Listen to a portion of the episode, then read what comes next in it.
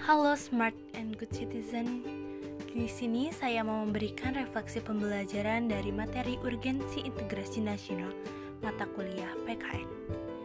Integrasi nasional adalah tolak ukur persatuan dan kesatuan bangsa, yaitu memiliki dua makna yaitu etimologi dan terminologi.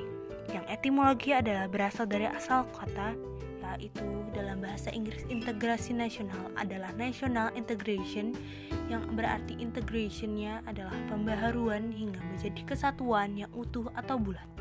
Sedangkan nation yaitu berarti persekutuan yang berbeda latar belakang di suatu wilayah di bawah satu kekuasaan politik.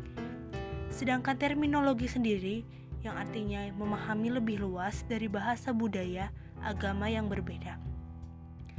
Para ahli dari Ramlan Surbakti 2010 mengatakan integrasi nasional adalah proses penyatuan berbagai kelompok sosial budaya dalam satu kesatuan wilayah dan dalam suatu identitas nasional.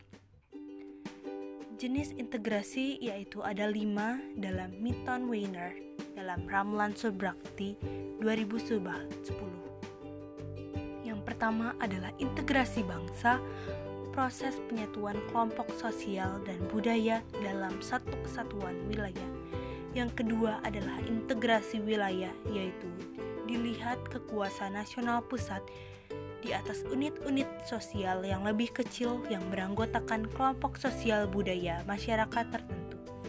Yang ketiga adalah integrasi elit massa, yaitu penghubungan antara pemerintah dengan yang diperintah Maksud di sini adalah pemimpin contohnya yang pemimpin yang mau mesejahterakan rakyatnya.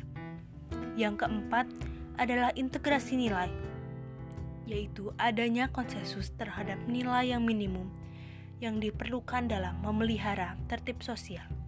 Yang terakhir adalah integrasi tingkah laku, yaitu penciptaan tingkah laku yang terintegrasi dan yang diterima demi mencapai tujuan bersama.